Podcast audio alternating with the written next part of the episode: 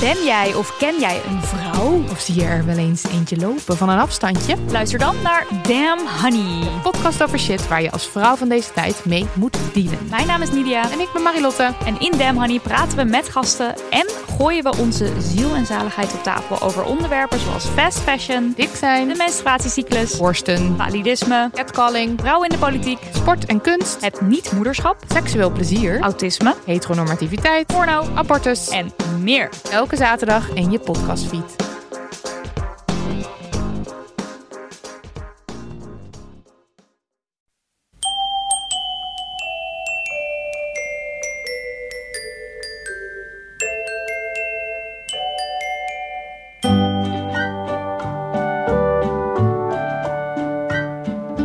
Welkom bij aflevering 295 van Echt Gebeurd. De podcast waarin waargebeurde verhalen worden verteld door de mensen die ze zelf hebben meegemaakt. In deze aflevering een verhaal dat Rolf Jan Duin in mei 2010 alweer bij ons vertelde tijdens een verhalenmiddag met als thema reizen.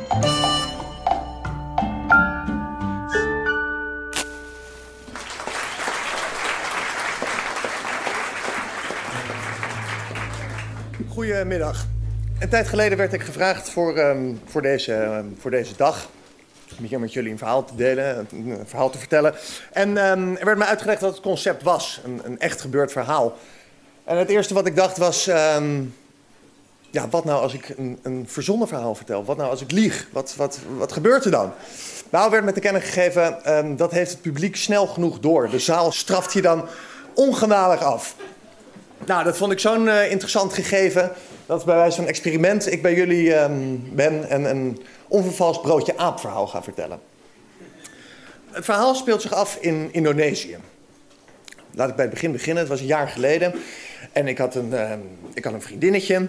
En eh, gelokt door foto's in de, reis, eh, in de reisgidsen van tempels en, en stranden en rijstvelden.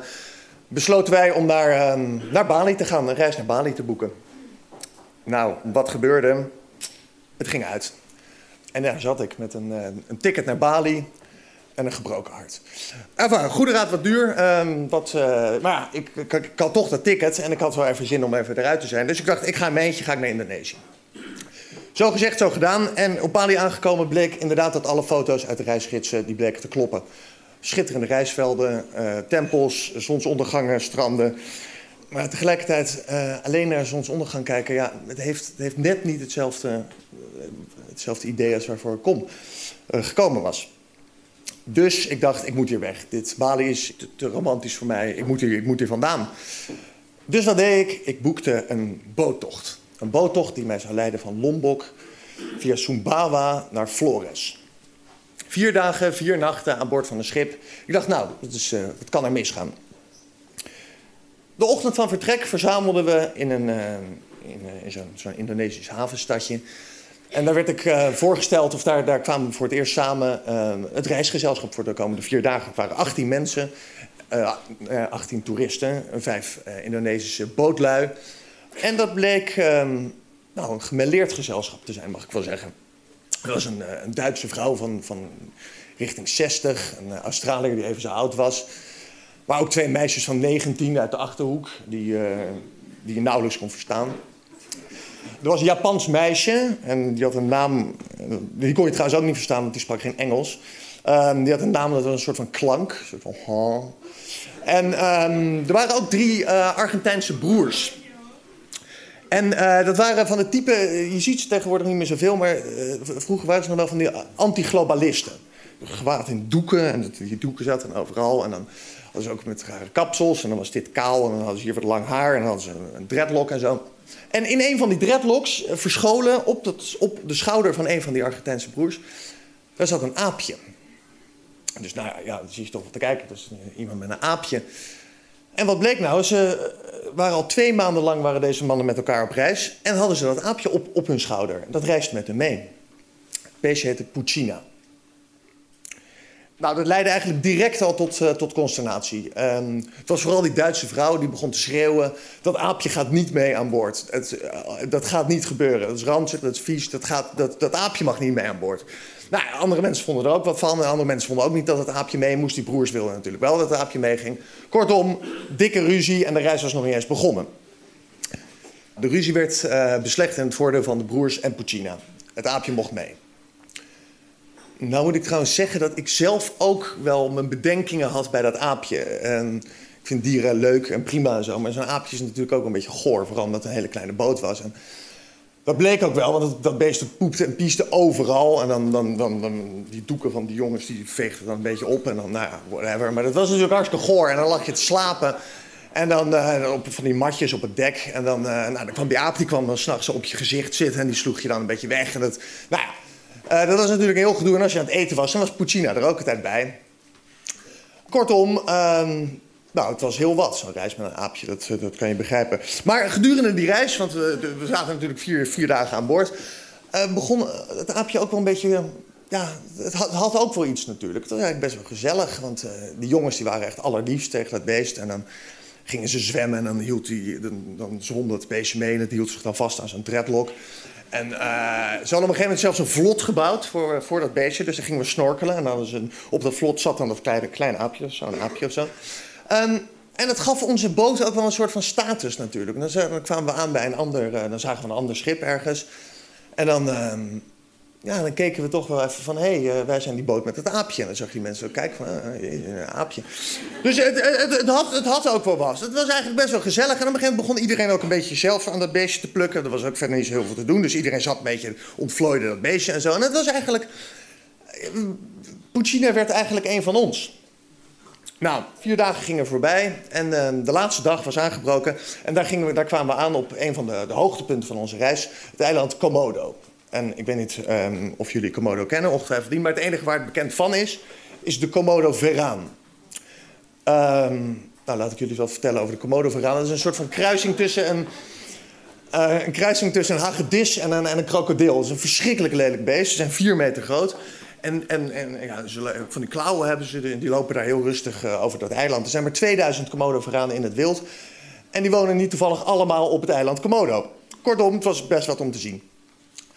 Wij uh, bezochten dat, uh, dat eiland en uh, inderdaad hoor, daar lopen ze allemaal in het rond, lopen die, die enge beesten. En die beesten eten alles, alles wat beweegt. Dus ze eten zwijnen, ze eten ossen, ze eten hun eigen kinderen eten ze. Komodo-varanen, die moeten, de, jonkies moeten vijf jaar lang in een boom wonen... omdat ze anders door hun eigen ouders worden opgegeten. Um, toen wij, uh, we kregen een Indonesische gids mee en we vroegen ook van, ja, eten ze ook mensen? Ja, mooi, mooi.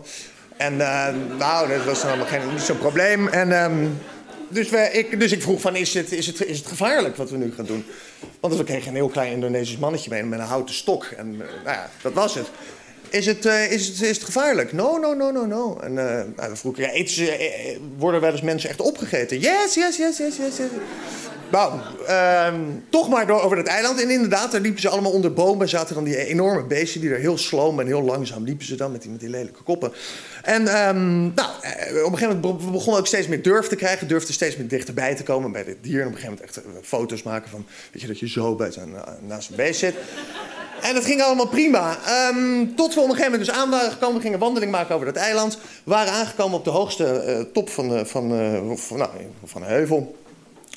En daar vanuit het niets springt Puccina van die schouder af, van die dreadlock, rent naar voren.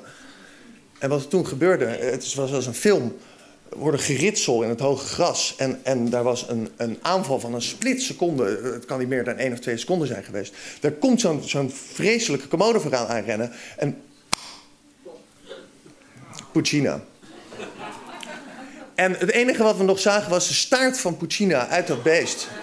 En, en, en de volgende slikkende beweging zal ik nooit vergeten. Want zo heel langzaam zagen we zo door die keel... zagen we ons aapje verslonden worden. Ja, het, het, was verschrikkelijk. Uh. Uh, ja, nee, ik mag niet eens lachen. Uh, nee, het was echt verschrikkelijk. Er was gekrijs, er was hysterisch gehuil. Er was... Uh, de, de, drie broers die, die wenden hun hoofd af, die durfden niet te kijken. Um, Juan, die was alleen maar foto's aan het maken. Die, die, alles was vastgelegd, dat was dan wel weer mooi. En, en, en, en, en, ik stond ook te kijken van, nou ja, ja dit, is, dit is een topverhaal. Maar dit is wel, maar dit is verschrikkelijk. Ehm, en ehm, nou ja. Nou, daar stonden we dus. En, en die commode vooraan, die zat daar dus nog. eh, Die hebben hele langzame spijsvertering. Dus die, die, die, die lag daar nog voor de komende paar uur wel op dat pad van ons. Dus nou, daar moesten we omheen en dat was nog heel gedoe. En ja, dus, eh, ja zwijgend eh, eh, liepen we verder en daalden we weer af. En, en die Argentijnse broers die waren, die waren helemaal kapot. En er mocht niet meer gepraat worden over Puccina. Het, had nooit, het was nooit gebeurd. En, nou ja, wij voeren door en we kwamen aan uiteindelijk op, bij Flores. Ons einddoel. En ehm, nou, die avond gingen we dan met z'n allen uit eten. En, eh, de stemming was nog steeds een beetje down. En ja, daar zaten we dan in dat havenstadje daar in, eh, in Flores. De laatste avond, de bonte avond. En, en, we zaten daar wat... ehm, ja, we aten en we, we dronken wat. En we kenden elkaar al vier dagen. Dat was echt een band. Maar het werd eigenlijk maar niet gezellig die avond. Het, werd maar, bleef een beetje een bedompte sfeer eigenlijk hangen.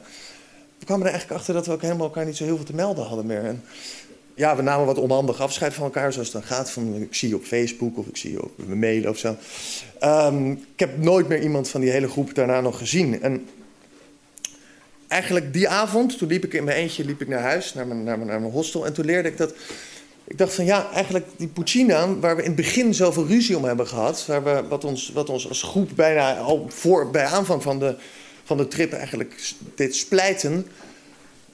Ja, dat was eigenlijk hetgeen geweest wat, wat ons eigenlijk ook al die tijd gebonden had. En dat wil ik jullie meegeven vandaag. Misschien is, zijn in dit hele leven wel de dingen die ons het meest verdelen... uiteindelijk de dingen die ons het meeste binden.